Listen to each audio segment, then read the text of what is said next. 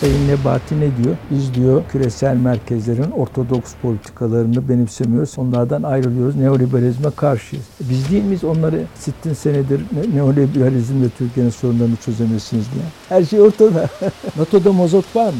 Benzin var mı? Bizim en büyük ihtiyacımız ne? Mazot, doğalgaz. Nerede var? İran'da var, Rusya'da. NATO Türkiye'nin düşmanı. 15-16 Temmuz'da o darbeyi yapan NATO. NATO ile biz savaştık. NATO'nun generallerini öldürdük. Putin gibi zeki bir adam böyle laflara kanarak vazgeçer mi? Bizim Rus devletinden aldığımız bilgiler. Kaç kez anlaştılar onlar Ukrayna ile Rusya. Hepsini Amerika bozdu. Aferin o Türkiye hükümetine Amerika ile Rusya arasında dans eden bir hükümet Türkiye'yi yönetemez. Onun için Vatan Partisi iktidara ilerliyor. Bunu gerçekten inanarak söylüyor musunuz? Yani Vatan Partisi Vatan Partisi Türkiye'de hükümet olacak. Nasıl? Nasıl olacak? Seçim de olacak.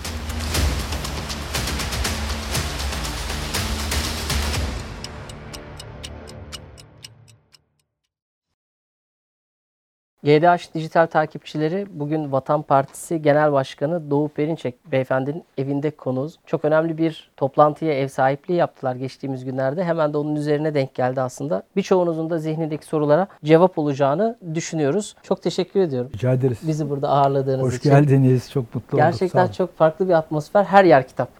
Ee, Koridorların tavanlarına kadar. diğer odalarda Orada- kitap. Evet ne yapalım? Yığıldı yığıldı vazgeçemiyoruz da. Bunların hepsi elinizden geçti galiba. Ha, tabii hepsini okudum demem yanlış olur ama şurasını burasını okumuşuzdur, başvurmuşuzdur. Benim en büyük mutluluğum çocukluğumdan beri işte oku- okumak. Bir de matematik. Matematiğe çok meraklıyım. İyi midir matematikle aranız? İyidir. Yani. Matematikten teoriler bile yapardım. Siyasete etkisi oluyor mu matematikle aranızın Yani iyi bakın olması? Yunan gimnazyumlarında matematik, jimnastik dersler. Matematik çok önemli. Yani tabii sayıların mantığı.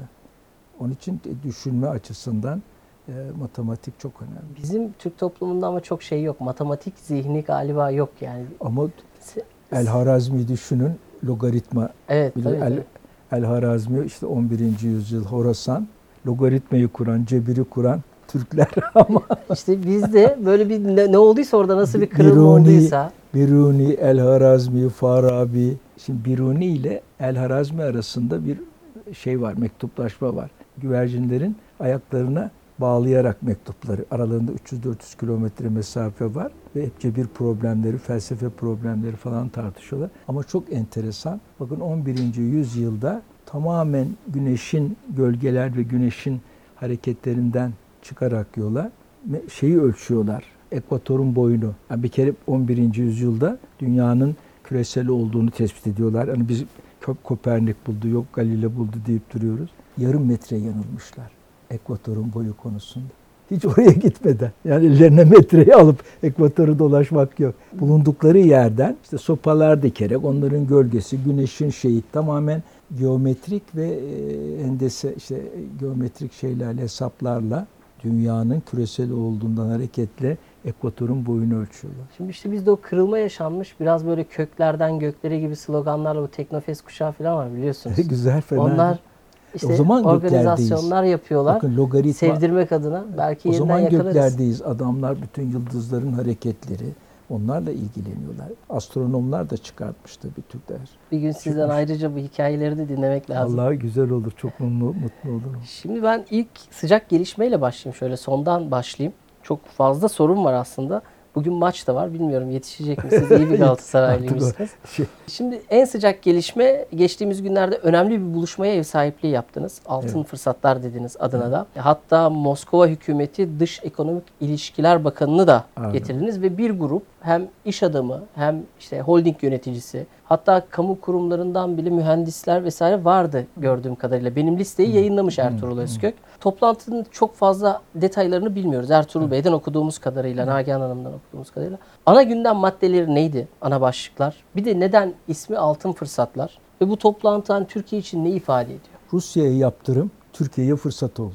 Toplantının gündemi bu. Onun için altın fırsatlar dedik. Bu ekonomik dar boğazında bir altın fırsatlar yakaladı. Rusya'yı kuşatıyor, Amerika yaptırımlar uyguluyor ve burada e, Türkiye'nin Rusya ile bütün dünya arasında finansal ağları örmesi, lojistik ağları örmesi, Türkiye'nin ihracatında patlama yapması, turizm gelirlerinde e, katlaması gelirlerimizi, iletişim alanında, bilişim alanında Ruslarla ortak işler yapması falan gibi büyük altın fırsatlar var. İşte Rusya devletinden sık sık buraya e, yüksek düzey temsilciler geliyor, buluşuyoruz, görüşüyoruz falan.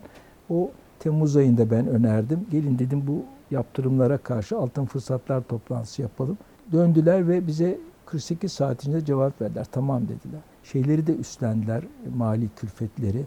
Çırağan Sarayı'nı tuttular. Ondan sonra mesela DEİK'in toplantılarını Ruslar finanse etti. Bizim toplantıyı Türkler. E, biz bunda e, Ruslarla bu altın fırsat toplantılarını örgütlemeye başladık. E, bunu DEİK duymuş. İlk başlarda bizim Türkiye Odalar Borsalar Birliği katıldı. Ondan sonra hep beraber yapıyorduk. Sayın Sarcıklıoğlu, ondan sonra Ankara'da Gürsel Baran falan. Bize evet dediler, tamam dediler. DEİK girdi. Moskova'ya gitmişler falan. Demişler ki biz de olalım. Ruslar da memnun oluruz demiş tabii. Hükümet giriyor işin içine. Gerçi bizim kanalımızdan da hükümet girmiş oluyordu. Sarcıklıoğlu ve Gürsel Baran üzerinden. Bu sefer e, bir daha sonraki adımda da DEİK ama onlar olmasın. Ya rakip olarak gördüler. Şimdi onlar da yaptılar ama son derece sönük. Çünkü bir kere altın fırsat ismine itiraz ederek başladılar. Yani bir takım rakamlara boğdular. Bize de 75 kişilik bir kontenjan e, verdiler İstanbul'da. 30 kişi de Antalya'da. İzleyen arkadaşlar söylüyor. İşte bakın zaten kimse onlardan söz etmiyor. Çünkü o altın fırsatı görmüyorlar ve en baştan da dediler ki ismi altın fırsat olmasın. Amerika'nın denetimini almak için bu toplantıları müdahil oldular. Çok açık söyleyeyim. Fatih Altaylı bir köşe yazısı yazmış ve o köşe yazısında da biraz eleştirileri vardı, ağır buyursun. eleştirileri vardı. Hatta Mandarin Otel'de işte yapmanızı da yine ağır cümlelerle eleştiriyor. Partinin bir dönüşüm geçirdiğine vurgu yapıyor. Hatta iktidara diyor eklemlendi e, Vatan Partisi ama bu, Şimdi e, şu şu daha şey. daha önce hani mütevazı yerlerde yapılırken toplantı bugün İstanbul'un en ünlü değil. Bakın, üçüncü bakın oteli o, diyor. o doğru değil. Neden doğru değil? Bakın biz 2019 yılında Çin ile Çin Türkiye işbirliği toplantıları yaptık. Four Seasons'ta, Ankara'da Green Park'ta. Bunlar en büyük oteller. Bunlar doğru değil. Hem de paralarını ödeyerek. İzmir'de yine ismini hatırlayamayacağım ama İzmir'in en büyük otelinde yaptık falan. Sonra yine Rus devlet heyetleri gelmişti 2018'de. Yine Yani ortada artan bir gelir yok diyorsunuz. Yani artan gelirlerimiz var ama e, itibar yani e, yaptığımız mekanlar bu toplantıları e, yaptığımız mekanlar Four Seasons'tı, Green Park'tı. Yine o ayarda e, çok e, yani efendim eklemlendi. Bugün çok güzel cevap veriyor e, Nagihan Alçı. Ona cevap vermiyor ama şunu söylüyor ki Doğu Perinçek AK Parti'nin yanına gitmedi. AK Parti Doğu Perinçek'in bulunduğu yere geldi. İşte bu doğru değil mi? geldi mi gerçekten? Ya tam gelmez hiçbir zaman gelemez. O zaman Siz AK- daha önceki söylemlerinizde de vardı. AK Parti bizim çizgimize geldi diye. Bizi hapse atmadılar mı? E şimdi bizimle beraber FETÖ'yü hapse attılar. Nereye geldi? E bizim yanımıza geldi. 2010 yılında çözüm senaryoları falan filan. Biz de ne diyorduk? PKK'ya karşı ancak silahlı mücadeleyle olay e, bitirilir. Ondan sonra ne- nereye geldiler? 2015-24 Temmuz'da PKK'ya karşı silahlı mücadeleyi başladılar. Bizim oraya geldiler. Ekonomide tamamen Turgut Özal'ın o Türkiye'yi boş batağına batıran ekonomik çizgiyi, rotayı izliyorlardı. Sonra ne oldu? Sayın Berat Albayrak dedi ki bu sürdürülemez hale geldi. Böyle dedi sıcak para peşinde koşarak Türkiye'nin ekonomik sorunlarını çözemeyiz. Bir e, üretim, şu yatırım, üretim, istihdam falan o ihracat diye o e, bizim programı eksik olarak anlatmaya başladılar. Ekonomide de bizim çizgimize yaklaşmaya başladılar. İşte en son Sayın Nebati ne diyor? Biz diyor küresel merkezlerin ortodoks politikalarını benimsemiyoruz. Heterodoks on- onlardan ayrılıyoruz. Neoliberalizme karşıyız. E Biz değil miyiz onları e, sittin senedir ne- neoliberalizmle Türkiye'nin sorunlarını çözemezsiniz diye. Kim kimin yanına geldi? Suriye ile şey aramaya başladılar. Kim kimin yanına gitti? Rus uçağını düşürdüler. Gittik olayı tamir ettik. Şimdi Putin'in yakın dostu oldu Sayın Erdoğan. Kim kimin yanına geldi? Her şey ortada.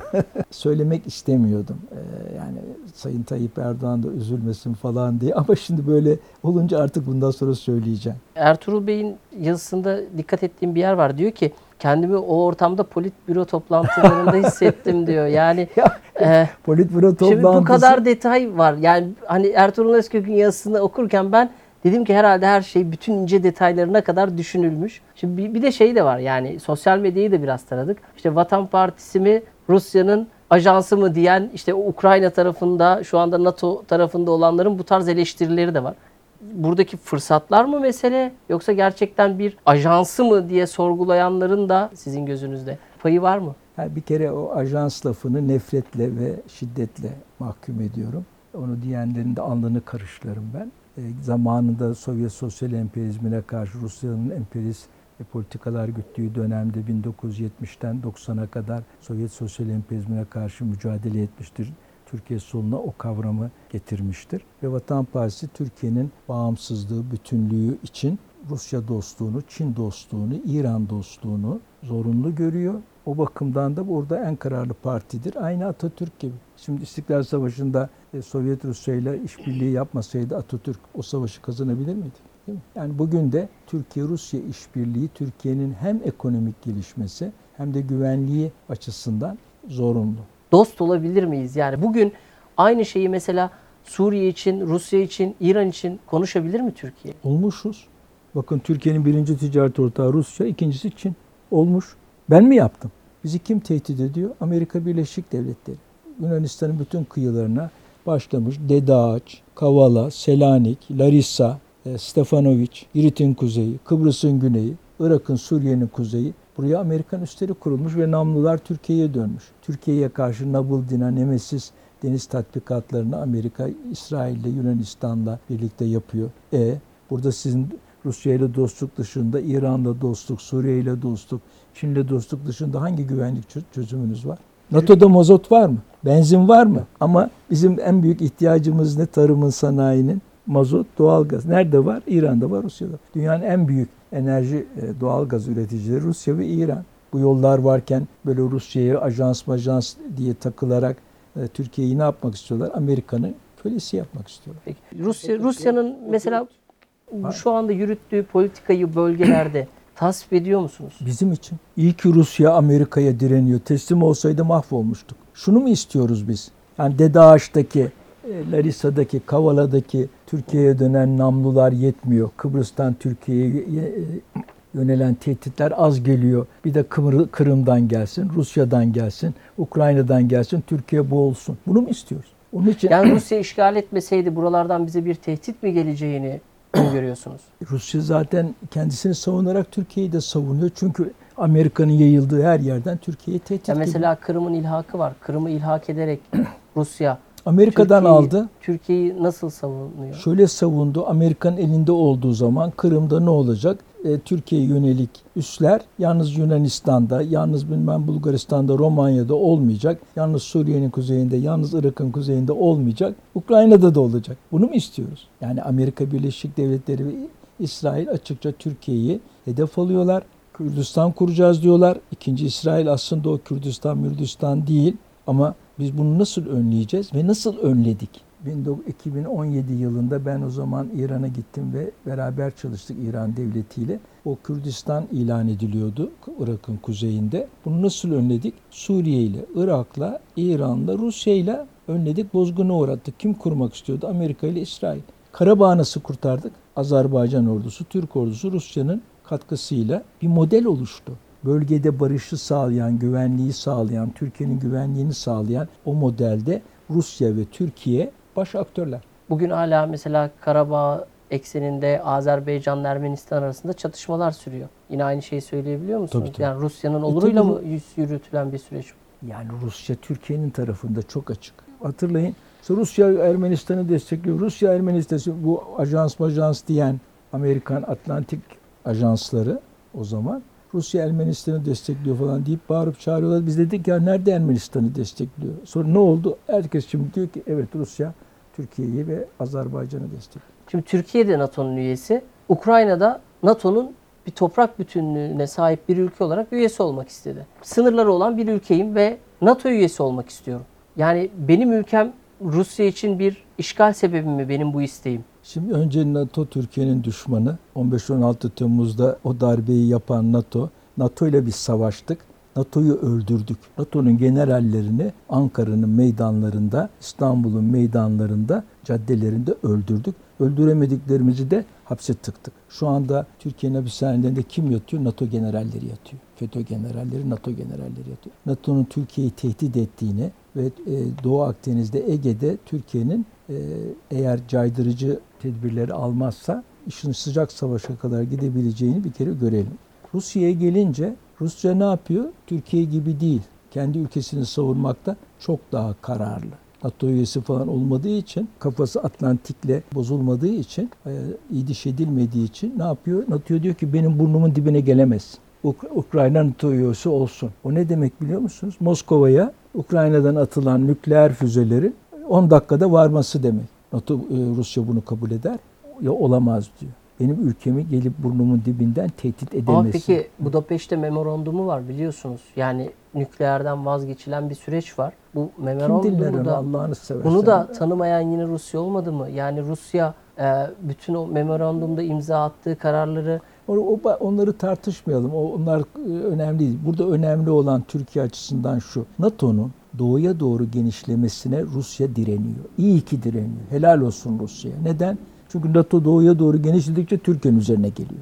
Onun için Türkiye'nin üzerine gelmesini önleyen her şey Türkiye'nin yararına. Bu kadar basit. Türkiye'nin çıkarlarıyla hareket ediyorum ve çıkarları bunu mu gerektiriyor diyorsunuz? Yoksa gerçekten Rusya'nın yanında olmak gibi bir Yani amaç saçma var. sapan bir şey. O Rusya'nın Vatan Partisi gibi hayatını Türkiye'nin bağımsızlığına vermiş. Bu arada bu nedenle e, beş kuşakla liderleri hapiste yatmış. Başka bir örnek yoktur. Türkiye'de ikinci bir böyle bir parti yoktur. Öyle bir parti Rusya'nın yanında olmak diye bir siyaset olur mu? Vatan Partisi'nin siyaseti Türkiye'de üretim devrimini tamamlamak, bağımsız Türkiye'yi tamamlamak, onun önündeki bütün engellerle mücadele etmek, Türkiye'nin bağımsızlık, güvenlik, ekonomik gelişmesi için gerekeni yapmak. Bir- tek bakış açımız var. Türkiye'nin bağımsızlığı, ekonomik gelişmesi. O kadar. Başka hiçbir bakış açımız yok. Geçtiğimiz günlerde bir haber çıktı. Bu Rus basınında da yer aldı, e, Amerikan basınında da yer aldı. Aslında Rus kurmayların Putin'e Ukrayna'nın NATO üyeliğinden vazgeçtiğini fakat bunun ilhakın şu anki Donetsk, Luhansk bölgelerinden Rusya'nın çekilmesi karşılığında olacağına dair bir bilgi verdiklerini ve Rusya Devlet Başkanı Putin'in bu bilgiyi kesinlikle dikkate almadan Ukrayna'yı işgal emri verdiği yazıldı birçok kaynakta da yer aldı bu. Gel, gelinen noktada işte Şubat ayından bugüne taş üstünde taş kalmayan bir Ukrayna var. Yani Yok, hiçbir Yıkmadan yürütüyor. Yani yıkmamaya çok özen gösteriyor. Yoksa çoktan her şeyi bitirirdi. e, biliyorsunuz 60 kilometrelik bir konvoy vardı Kiev'in sınırlarına kadar gelen. Geri çekilmek durumunda kaldı Rusya. Geçtiğimiz aylarda çıkan Buça'daki bir katliam, toplu mezarlar vardı. Burada toprak bütünlüğü olan bir ülkenin tamam ben NATO'dan vazgeçiyorum demesine rağmen bir işgali söz Kanarım. konusu Bak, değil Aziz mi? kardeşim, Putin gibi zeki bir adam, kurmayları olan, koskoca çarlık geleneği olan, devlet geleneği olan, Sovyetler Birliği mirası olan bir ülke böyle laflara kanarak vazgeçer mi? O çok iyi görüyor. Yani sonuç itibariyle yani e, Ukrayna'da Ukrayna'da Amerika olursa ve Amerikancı bir yönetim, faşist bir yönetim olursa bunun Rusya için çok ağır bir tehdit olacağını ve nükleer bir tehdit olacağını ve Rusya'nın da e, bunun altından kalkmasının çok zor olacağını net olarak görüyor. Onun için bu tür aldatma, aldatmacalara kanmıyor. Yani siz onu lafla aldatamazsınız. Ayrıca şunu da söyleyeyim. Yani bizim Rus devletinden aldığımız bilgiler kamuoyuna da açıklıyorlar. Birkaç kez anlaştılar onlar Ukrayna ile Rusya. Hepsini Amerika bozdu. Birkaç kez anlaştılar, masadan kalktılar. Tamam bu konuda anlaştık dediler. Arkasından Amerika caydırdır Ukrayna.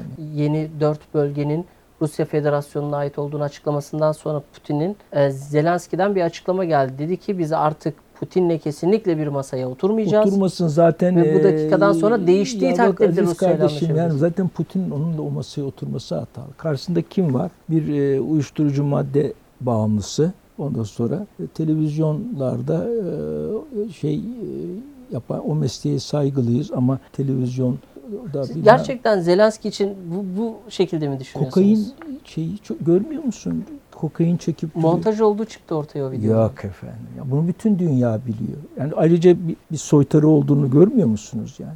bir Yahudi soytarı ol yani Yahudi olmasına bir şey demiyorum da şuna diyorum. Niye bir Yahudi Ukrayna'nın başında? Ukraynalı kalmadı da Yahudiler mi yönetecek yani Ukrayna?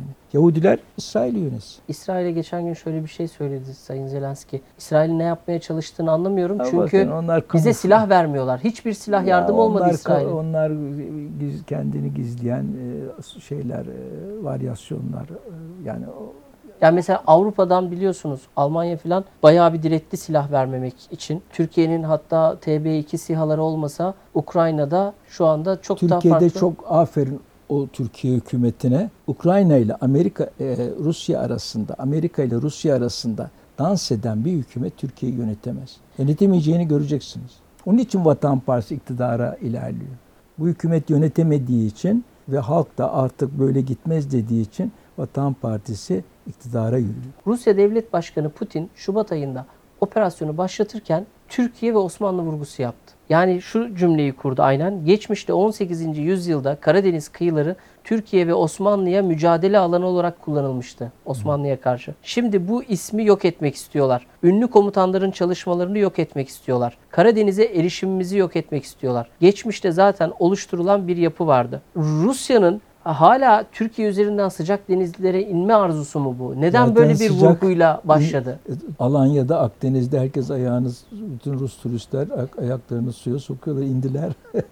Şeye, e, Suriye'de, Laskiye'de limanları var. Yok bu, bu bir, mesela bu bakın- vurguyu yapan bak- Rusya Türkiye şimdi tarafında bakın, olabilir mi? Veya Türkiye bu Rusya'nın tarafında net olarak Ya bugün net bir tavır çizebilir mi? net tavır çizmek zorunda Rusya çünkü Türkiye ile beraber olmazsa Rusya dağılır, Rusya yıkılır. Bu Türkiye için de geçerli. Bugün Türkiye ve Rusya birlikte olmak zorunda. Rusya'yı da Amerika tehdit ediyor, Türkiye'yi de Amerika tehdit ediyor. Bu iki ülke beraber olmak zorunda. Kimse de bu beraberliği önleyemeyecek göreceksiniz. O zaman Rusya'nın sıcak denizlere inmesi bize düşmanlıktı. Bugün Rusya'yı sıcak denizlere bizim getirmemiz lazım Akdeniz'e. Turizm dolayısıyla mı diyorsun? Hayır, turizmde o şakası işi silahlı olarak.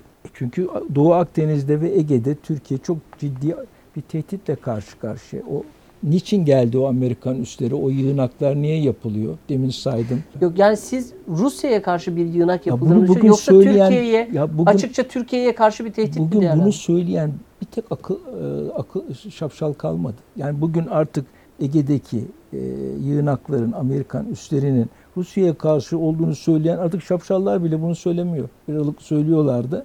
Artık şapşallar bile bunu söylemiyor. Bizim kendi bakanlarımız, Cumhurbaşkanımız hepsi ne diyor? Bu doku, sayıyorlar, 9 tane üs diyorlar. Bunlar Türkiye'ye karşı diyor Sayın Cumhurbaşkanımız. Biz hala kafamızı e, Akdeniz'in sularına sokup Ondan sonra bunu görmemeye çalışırsak kafamıza bombalar düştüğü zaman mı göreceğiz? Peki Rusya'ya karşı da niye o Ruslar o üslerden bir tek uçak kalkıp da e, Ukrayna'nın yanında savaşmıyor? Veya bir tane tank oradan gitmiyor. Yani bu gaflet oluyor. Bakın bu tür fikirlerin yayılması. Oradaki üsler böyle namlular Türkiye'ye bakıyor. Tatbikatlar Türkiye'ye karşı yapılıyor. Her şey apaçık ortada. Amerika e, diyor ki Kıbrıs'tan ambargoyu kaldırıyorum Güney Kıbrıs'a. Doğu Akdeniz'de Ege'de benim Yunanistan'la beraber ortak çıkarlarım var diyor. Yunan Başbakanı'nı meclislerinde böyle alkışlarla alkışlarla ağırlıyorlar. Biz hala oradaki üsler e, bunu tartışıyoruz. Bize mi nereye? Dediniz ki Rusya, Çin, Türkiye bir tarafta. Ya bu çerçevede şeyi sorayım. Hem Şangay İşbirliği Örgütü hem de Kolektif Güvenlik Anlaşması Örgütü. Sizce başarılı gidiyor mu bunlar? Şangay çok başarılı gidiyor. Şangay ve BRICS yani e, onlar çok başarılı gidiyor. Şangay İşbirliği Örgütü bütün dünyayı kucaklamaya başladı. Yani yalnız Asya değil, Afrika, Latin Amerika her tarafta. Yani böyle bir Asya merkezli Afrika ve Latin Amerika'nın da onun kanatları olduğu Avrupa da buraya doğru geliyor. Bakın o da çok önemli. Avrasya projesine geliyor. Almanya olsun. Ondan sonra Doğu Avrupa geliyor. Macaristan, Almanya. Hatta Fransa bile değil mi? Mesela Le Pen çıktı Fransa'da. İtalya'da ne oldu? Avrupa, George Amerika kaybetti. İtalya'da seçimi Asya kazandı. Sağcı blok kazandı. Sağcı değil onlar. Esas solcu onlar. E, Anti-emperyalist onlar. Onu sağcı diye onlar Amerika o, şeyi takıyor. Aslında onlar Amerikan emperyalizmine karşı. Ne diyor? Afrika'da diyor e, mülteciler, Afrikalı mülteciler e, şeye Afrika'ya döneceğine e, şeyden dünyadan Fransa oradan Fransa. Afrika'dan çekilsin diyor. E, Bu solculuk mu? O videoyu Türkiye'de ilk biz yayınladık. Ya, bravo. Geçen sene. Çok tebrik ederim. Kimse Çok- yoktu. çok- Ve Giorgio Malini'yi kimse Ha, bilmiyordu. Ben de Mel- seyrettim. Ama şöyle de bir şey var yani şimdi burada işbirlikleri var ama Kırgızistan, Tacikistan birbirlerine savaş ilan etmiş durumda. Onlar kendi Yani böyle bir örgütün iç başı- kavgalar bunlar. Yani o, bu ama bakın Hindistan'la Pakistan orada bir araya geldi. Yani bu örgüt küsleri barıştırıyor, kavgalıları barıştırıyor, birleştiriyor. Kırgızistan, Tacikistan bu bu olur yani bütün Mesela bu Kırgızistan, Tacikistan arasındaki çatışmaların da Rusya'nın artık o eski gücünün olmayışı, yarattığı boşluktan dolayı alevlendiği, işte Karabağ'da tekrardan bu çatışmaların çoğalmasının da Rusya'nın yarattığı boşluktan dolayı alevlendiği. Bu- bu tabii- Hatta Kazakistan'ın geçtiğimiz günlerde açıklaması oldu. Dedi ki biz e, bu bölgeleri, ilhak edilen bölgeleri asla tanımayacağız. Yani Rusya Federasyon'a ait tanımayacağız. Hatta destek talep edilirse asker gönderimi yapmayacağız dedi. Şimdi böyle bir örgütü başarılı olarak veya geleceğini başarılı olarak iç- görmek nasıl? Bakın bütün büyük birleşmelerde iç e, çekişmeler ve iç menfaat e, anlaşmazlıkları olur. Olmaması mümkün değil. Ama sonuç itibariyle bir, bir gerçek var ama büyük menfaatler, e, büyük cephe onları birleştiriyor. Mesela şeyin de Şii Devlet Başkanı'nın Kazakistan'a ziyareti de Rusya'nın yarattığı boşluktan bir pay alma çabası olarak görüldü. Bakın Çin ile Rusya arasında tabii büyük iki büyük devlettir. Bazı problemler vardır. Bir de stratejik olarak çok uzak düşündükleri zaman bazı kaygılar falan vardır. Ama bugün birbirlerine sarılmış durumdalar. Onu görelim yani. Yani Çin Rusya'nın yarattığı bir güç boşluğundan yararlanmak istemeyecek bir devlet mi? Çin akıllı bir devlet. Böyle aptallıklar yapmaz. Yani Çin böyle olaya stratejik bakar. Böyle küçük menfaatler peşinde koşmaz. O büyük imparatorluk geleneği olduğu için böyle bir olgunluğu vardır. Peki yani şöyle, o zaman şöyle bir soru sorayım. Mesela Rusya'nın yarattığı bu boşluk veya uğradığı güç kaybı diye nitelendirilen şeyden sonra Avrasya'da Çin ve Türkiye'nin işbirliğinin bu boşluğu doldurması mümkün mü? Şimdi e, Türkiye Rusyasız bir işbirliği. Yok, olmaz. Bu kuvvet dengeleri Neden? buna- Az önce şey dediniz yani onu da belki biraz açmak gerekecek. Türkiye'siz bir Rusya yıkılır dediniz. Neden Çin ve Türkiye bu Rusya'nın boşluğunu dolduramasın? E niye? Çünkü Rusya olmazsa Çin ve Türkiye de çok büyük zararlar görür. Yani Rusya bugün ön cephede Atlantik sistemine, Amerikan emperyalizminin ağalığına karşı mücadele ediyor. Tek kutuplu dünya projesi Amerika'nın yani dünyanın ağası ben olacağım diyor. Bu projeye Çin de karşı, Türkiye de karşı, Rusya da karşı. Burada e, Rusya'nın Amerika'ya direnmesine kıskançlıkla bakmak, olumsuz bakmak ne Çin akıllı yöneticileri bunu yapar ne de Türkiye'nin. Mesela Rusya tarafında da Rusya ile de özellikle e, Türkiye ile ilişkilerin ve özellikle Rusya'da Türklerin yaşadığı bölgelerdeki ilişkilerin güçlenmesi adına da yürüttüğünüz süreçler var mı? Yani mesela sormak istediğim net bir soru var. İşte bu seferberlik çerçevesinde özellikle e, Türklerin yaşadığı bölgelerde Rusya'da medyaya yansıyan görüntüler oldu. İşte ne veriyorlar? Zorunlu askerlik için bir keçi, iki çuval patates ve bir miktarda para vererek ailelerdeki gençleri, genç erkekleri, orta yaşlı erkekleri askere alıyorlar. Zorunlu aslında. E, tercihe bağlı bir durum da değil.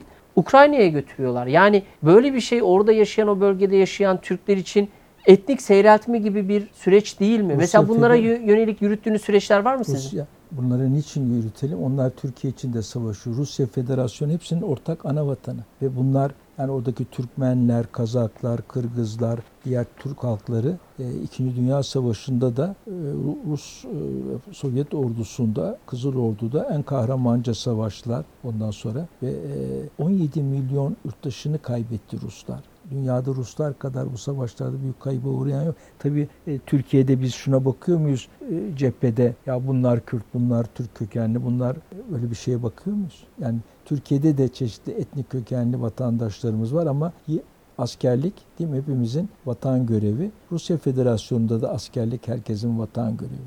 Bununla birlikte yansıyan görüntülerde, sosyal medyaya düşen görüntülerde silah zoruyla referanduma götürülen, sandığa götürülen askerlerin zoruyla vatandaşlar da yansıdı. Özellikle Avrupa basınında da çok fazla yer aldı. Yani bu şekilde referandum tabii ki %90'ların üzerinde çıkar diye. Federasyon bölgesinde yaşayan Çeçenler veyahut da o bölgede yaşayan diğer işte Yakutlar vesaire toplandılar dediler ki biz de artık bir referandum yapıp Rusya Federasyonu'ndan ayrılmak istiyoruz. Bu da bizim demokratik bir hakkımız. Böyle bir durumda mesela Rusya'nın tavrı aynısı olur mu? Biz Yakutları deriz ki ayrılmayın.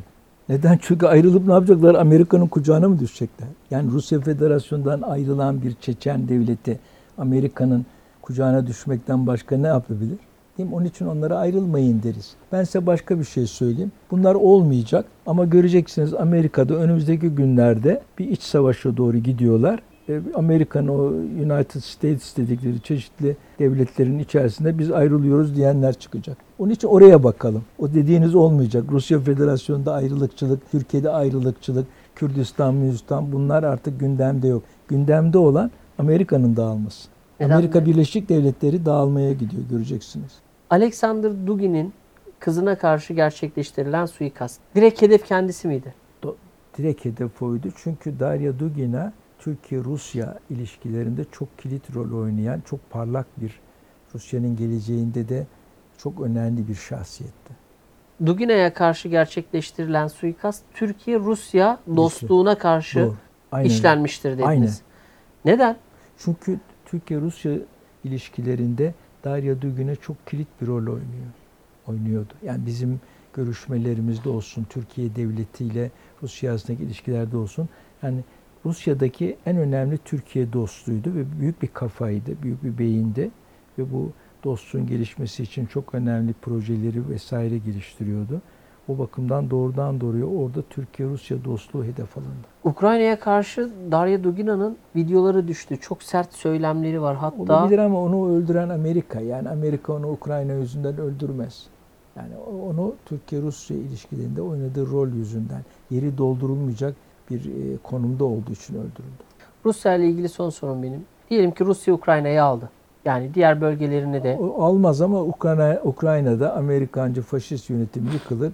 Ukrayna halkının kendi yönetimi gelir.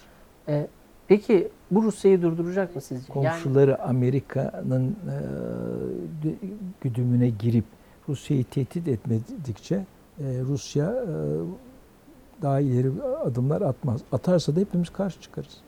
Kadar basit. Ama Ru- bakın bak, siz kuvvet hesabı yapalım diyorum ben size. Önerim o. Rusya'yı Rusya öyle önünde geniş alan var. Çok büyük güçleri var. Böyle bir imkana sahip değil ki. Yani Rusya kendini savunmaya çalışıyor ve gücü de kendini savunmaya ancak yetecek bir güç. Onun için Rusya'nın yayılması, emperyalistik falan tehlikeleri yok. Hani Rusya büyük bir e, ekonomik güç olur. Rusya 2030 yılında dünyanın 8.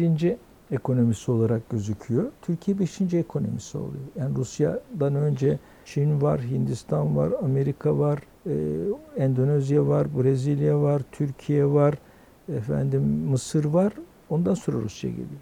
2030'a baktığımız zaman. Onun için yani Rusya'nın önümüzde böyle yayılacak, bilmem ne yapacak, büyüyecek, tehdit olacak bir gelişmesi yok. Şimdi bakın kalkıp da o İspanya'nın, Portekiz'in NATO'da olmasına bir şey demiyor. Ama NATO'nun gelip kendi burnunun dibine girip oradan nükleer tehdit yapmasını kabul etmiyor. O, o Rusya'nın övülecek tarafı. Bizim de böyle hükümete ihtiyacımız var. Yani Türkiye'nin de böyle bir hükümete ihtiyacı var. Onun için Vatan Partisi Türkiye'nin hükümeti olacak. bunu gerçekten inanarak söylüyor musunuz? Yani Vatan Göreceksiniz Partisi Vatan Partisi Türkiye'de hükümet olacak. Bunu da e, iftiharla Nasıl? Nasıl olacak? seçimle olacak. Ya mesela önümüzde seçim var. Evet Vatan Partisi'nin Anketler geliyor mesela. Vatan Partisi'nin çok anketleri Amerika yapıyor. Yo, Gö- hayır, anket- göremiyoruz. hayır siz göremeyeceksiniz ama siz seçim sandığından sonra göreceksiniz. başta aslında buna biraz değindiniz ama Türkiye'nin Suriye ve Rusya politikasını belirleyen parti Vatan Partisi E, ve sanki arka tarafta bir görüşme varmış gibi de bir hava var. Yani Yalnız Sanki- Türkiye'nin Rusya Suriye politikasını değil, Vatan Partisi FETÖ'nün üzerine gidilmesi politikasını, PKK'ya karşı silahla e, mücadele edilmesi politikasını bunları da belirledi. yani belirlediniz mi yoksa e, Ertuğrul Özkök'ün Mandarin Otel'e girerken size söylediği gibi bir rol mü çalma durumu var? Rol çalmak demek bizi demek ki e, AK Parti'nin rakibi olarak görüyor. Yani Ertuğrul Özkök'ün yazısında bizi AK Parti'nin rakibi olarak gören bir anlayış var. Roller çünkü böyle tiyatrodaki gibi olmuyor. Güçle oynanacak roller bunlar. Kuvvetle oynanacak rol.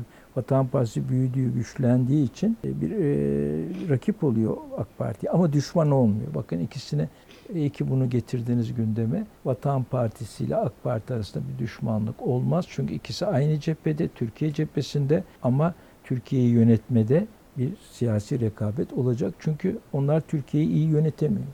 Suriye'de geçtiğimiz yıllarda Ukrayna Savaşı'ndan önce biliyorsunuz e, Türk askerine karşı Rusya tarafından ve oradaki nakliye firmalarına karşı özellikle tırlara, Türk tırları bombalandı, hedef alındı. Yani bu alenen hükümetler nezdinde böyle bir açıklama olmasa da böyle bir kabul olmasa da medyaya yansıyan bunların Rusya tarafından gerçekleştirildiğiydi. Bugün İran'ın bölgede e, Azerbaycan'a karşı, Karabağ'a karşı e, bakış açısı ve açıklamaları var. Bu ülkeler açısından onların gözüyle baktığımızda Şimdi da aynı bakın, şey geçerli Bakın mi? Türkiye Şam'a girmeye kalkarsa bu Türkiye'ye dostluk değil. Türkiye hükümeti Şam'a giriyoruz, gidiyoruz aşağı iniyoruz dediği zaman bu Türkiye yapılan en büyük düşmanlık. Burada bir Türkiye'ye dostluk yok. Türkiye Şam'ı falan alamaz. Alması da doğru değil. Değil mi? Orada bir Türkiye dostluk yok. Orada Amerika'ya hizmet var ve Türkiye'nin başını belaya sokma var. Şam'a giden Türkiye Diyarbakır'ı kaybeder. Bunun için o Türkiye'nin Şam'a gitmemesi lazım. Ben Şam'a gideceğim, alacağım. Ondan sonra genişleyeceğim. İşte Musul'u alacağım falan. Bunlar gerçekçi politikalar değil. Bir kere onu saptayalım. E, bunlar Amerika'nın kışkırtmalarıdır ve Türkiye iktidarı da bir iki kere böyle o kışkırtmalara geldi. Neyse toparladı. E, onun için olaya Türkiye'nin menfaatleri açısından bakalım. Ben Şam'ı fethedeceğim, Musul'u fethedeceğim falan bunlar bugünkü dünyada Türkiye açısından çok tehlikeli, başı belaya sokacak girişimler olur. Suriye'ye bir çıkarma yapacağınızı açıkladınız. Çıkarma Geçtiğimiz değil. aylarda. Yani, evet, ziyaret, ziyaret edeceğiz yapacağız. E, o Eylül bizim- ayında gerçekleşmedi. Eylül ayının ikinci haftası bekleniyordu. Eylül'ün Şimdi 7'si gibi bakın, filan bir e, takvim bizi vardı. davet- onlar 8 aydır bizi çağırıyorlar. Esed'in sizi kabul etmediği konuşuluyor, söyleniyor. Esed değil Esad. Esad'ın sizi kabul etmediği konuşuluyor, söyleniyor. Yok onlar da o değil. Biz yani as- böyle bir geri çevrilme oldu mu? Hayır efendim 8 aydır beni Suriye Devleti Sayın Beşar Esad'la görüşmek için davet ediyor. 6 ay, 7 ay o davete hep e, zamanı değil, zamanı değil diye cevap vermişim. Değil mi? Bütün konuşmalarımda da bunu söylüyorum. Yani şimdi zamanı değil, Rusya ile konuşalım, İran'la konuşalım, bir şey- işi pişirelim, e, olgunlaştıralım, ondan sonra görüşelim diye cevap verdik. Ve en son hangi ayın sonunda? Ağustos sonunda bu e, tamam dedik. Onlar yarın gelin, yarın gelin diyorlardı yani en son Ağustos ayında. Biz dedik ki tamam geliyoruz dedik. Fakat o sırada e, Beşar Esad'ın bir e, Şam ve Şangay İşbirliği Örgütü'ne gitmesi söz konusu oldu. Bir de Arap Birliği ziyaretleri, Suudi Arabistan ve diğer Arap Birliği ülkeleriyle. Onun üzerine dediler ki Şangay'a gitmedi ama. işte gitmedi. Ama işte şimdi onu söyleyeceğim. Her an bu tür şeyler çıkabilir. Ve siz geldiğiniz zaman e, Beşar Esad'la görüşmeniz şart. Yani Beşar Esad'la görüşmeyeceksiniz. Öyle bir e, toplantıyı düzenlemeyiz. Onun için e, gideceği tarihler belli olmadığı için bir rizikoya girmeyelim. Takvim iyice belli olsun. Ondan sonra bu buluşmayı yapalım dediler. Yoksa gelin buyurun başbakanla görüşün falan. Bize demediler. Beşar Esad'la görüşeceğimiz için bunu erteleyelim dediler. Cumhurbaşkanı'nın açıklaması Yani var. var, Gelseydi bakın- Şangay'a ben görüşürdüm Esad'la ama gelemediği gibi bir de açıklaması var. E, Güzel, o çok iyi açıklama. Sayın Cumhurbaşkanımız şunu yapması lazım. Uçaklarından birini gönderir Şam'a. Sayın Beşer Esad'ı davet eder. Ankara'da görüşür. Bu mümkün mü? Türkiye Cumhur bu mümkün. Türkiye'nin başında e, Türkiye'nin geleceği konusunda tutarlı, stratejik bir bakış olursa bu mümkün değil, zorunlu. Ya biz mecbur muyuz Esad ile görüşmeye? Görüşmeye zorunlu değil, diyorsunuz ya, Türkiye olarak. mecburuz. Bakın görüşmenin bir kıymeti yok. Görüşmesinler ama işbirliği yapalım. Neden mecburuz? PKK'yı bitirmek, Suriye'nin kuzeyindeki bütün terör örgütlerini bitirmek, Türkiye'deki misafirimiz olan Suriyelilerin güvenli bir şekilde o bölgelere gidip vatanlarına yerleşmeleri için mecburuz. Biz Suriyeli bir arkadaşımızla röportaj yaptık. Bize yayında şunu söyledi. Ben geri dönen akrabalarımdan birkaç tanesi öldürüldü. Diğerlerinden de haber alamıyorum dedi. Kendisi uzun zamandır İnanmıyorum, yalan söylüyor. İnanmıyorum. Bizim aldığımız bilgilerde hiç böyle bir şey yok. Akrabası dönmüştür. PKK öldürmüş olabilir. DAEŞ öldürmüş olabilir. Ona bir şey diyemem. Ama e, Suriye hükümeti geri döneni öldürmez ve öldürmüyor. Ama As- PKK askerlerin öldürmüştür. görüntüleri çıktı mesela. Ha, nasıl? E, Esad askerlerinin görüntüleri çıktı, rejim askerlerinin. İşte insanları öldürüp kuyulara attığı görüntüler falan çıktı sosyal Vallahi medyada. ben, ben de o Çok görüntüleri sıkıntılı şey yapıyorum. Ben de o sıkıntılı görüntüleri görüyorum. DAEŞ e, kuyunun başında bekliyor. Tabancayı sıkıp sıkıp içeri atıyor. Esad Bakın, tarafının yaptığını inan devlet- veya düşünmüyorsunuz. Yani birisi devlet, birisi e, hiçbir sorumluluğu ve hukuku olmayan terör örgütü. Yani Suriye devleti e, köklü gelenekleri olan bir devlet. Böyle öldürüp öldürüp kuyuya atıyor. Sa- savaşlarda infazlar olur bakın. Savaşta karşılıklı savaşlarda infazlar olur falan filan. Ama Suriye devletinin Türkiye'den gelenleri öldürmediği bir politikası yok. Tam tersine yüz binlerce insan döndüğü gibi Suriye ordusundan, ÖSO'dan, Suriye e, devlet ordusuna katılanlar da devam ediyorlar görevlerine. Peki Doğu Bey yani bu saatten sonra bu kadar yıkılmış yakılmış bir Suriye varken ortada Özgür Suriye Ordusu diye bir oluşum varken Türkiye'nin onlara vermiş olduğu destek varken bütün bunlar yaşanıyorken Suriye'de geriye dönmek e, Beşar Esad'la tekrar Türkiye'nin bir araya gelmesi en azından AK Parti iktidarının bir araya gelmesi masaya oturması gibi bir süreç AK mümkün Parti mü? iktidarı bir araya gelmesin. Vatan Partisi iktidara gelir, bir araya gelir, Türkiye'nin sorunlarını çözer. İşte bu kadar.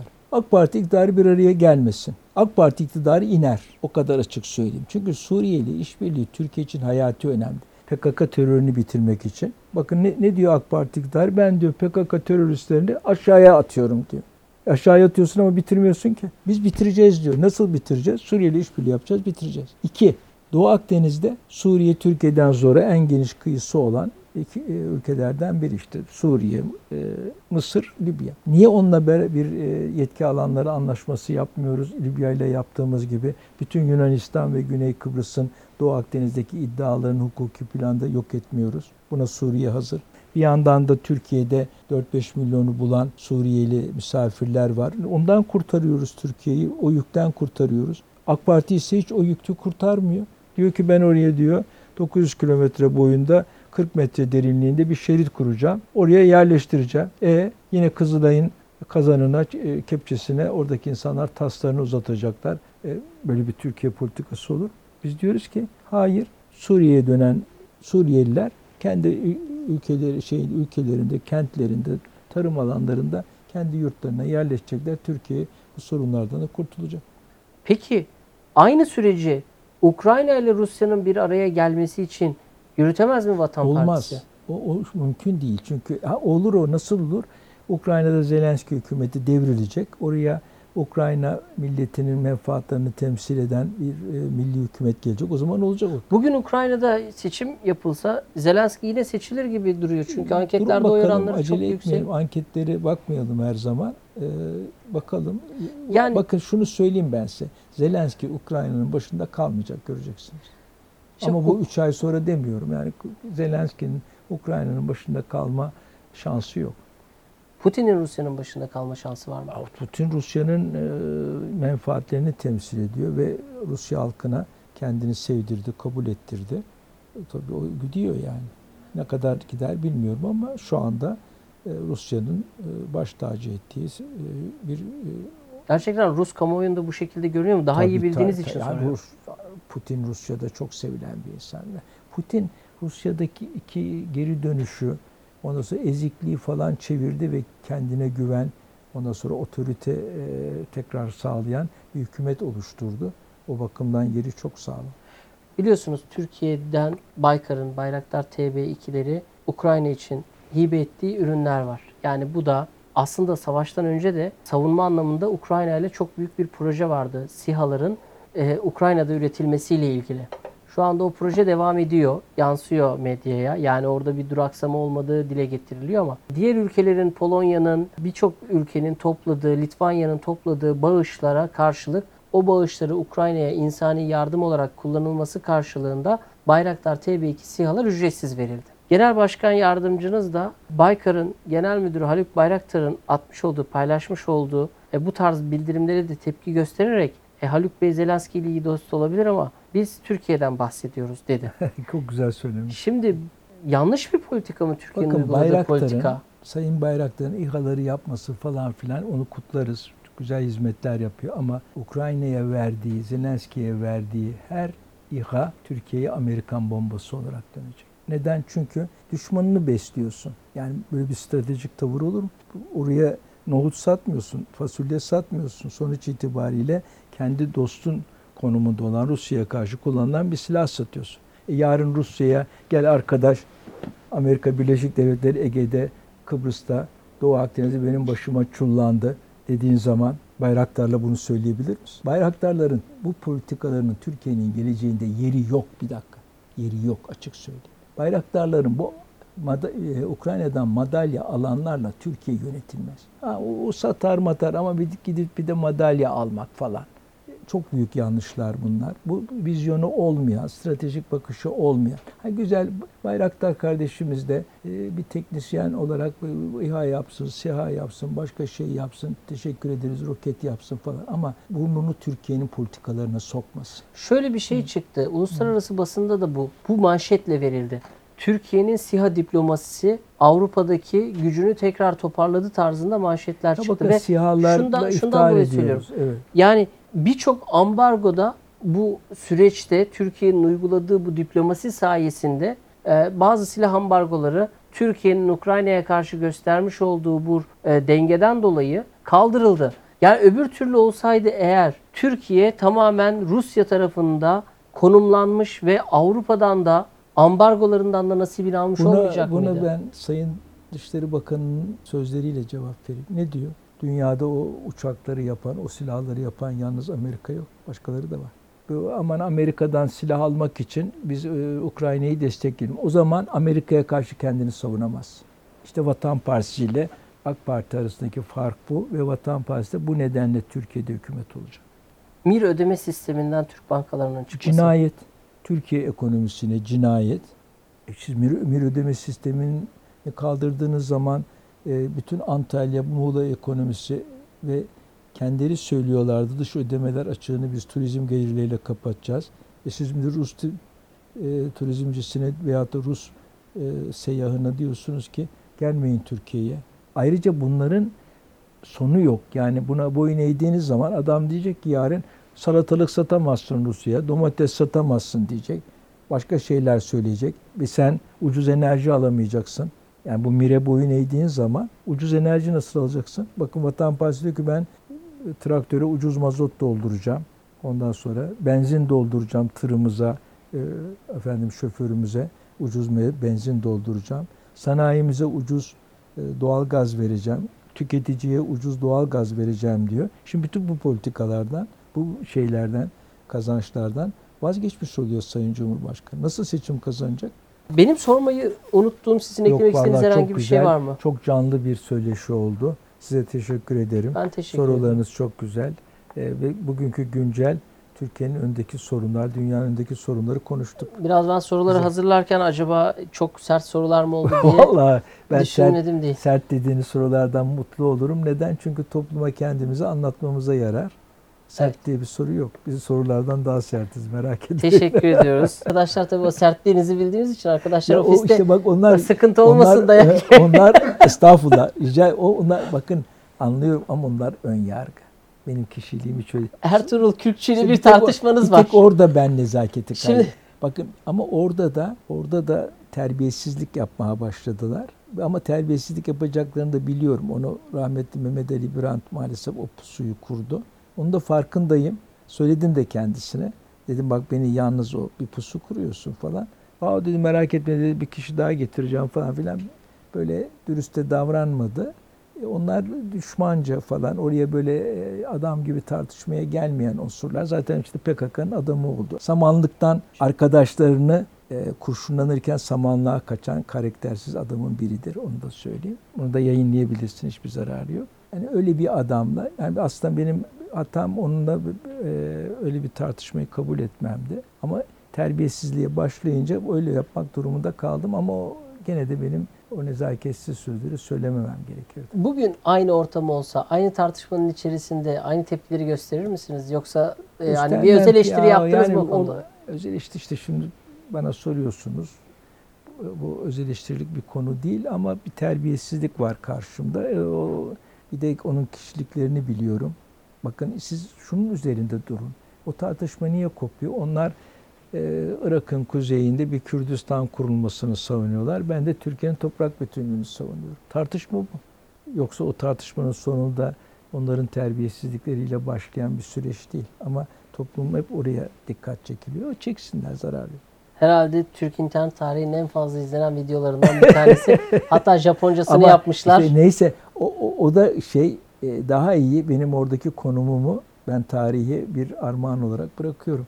Türkiye'yi savunmak için Birisine push diyorum. Bize vakit ayırdığınız için çok teşekkürler. Rica ederim. Sağ ol kardeşim. GDH dijital takipçileri bugün Vatan Partisi Genel Başkanı Doğu Perinçek'in evinde misafiri olduk.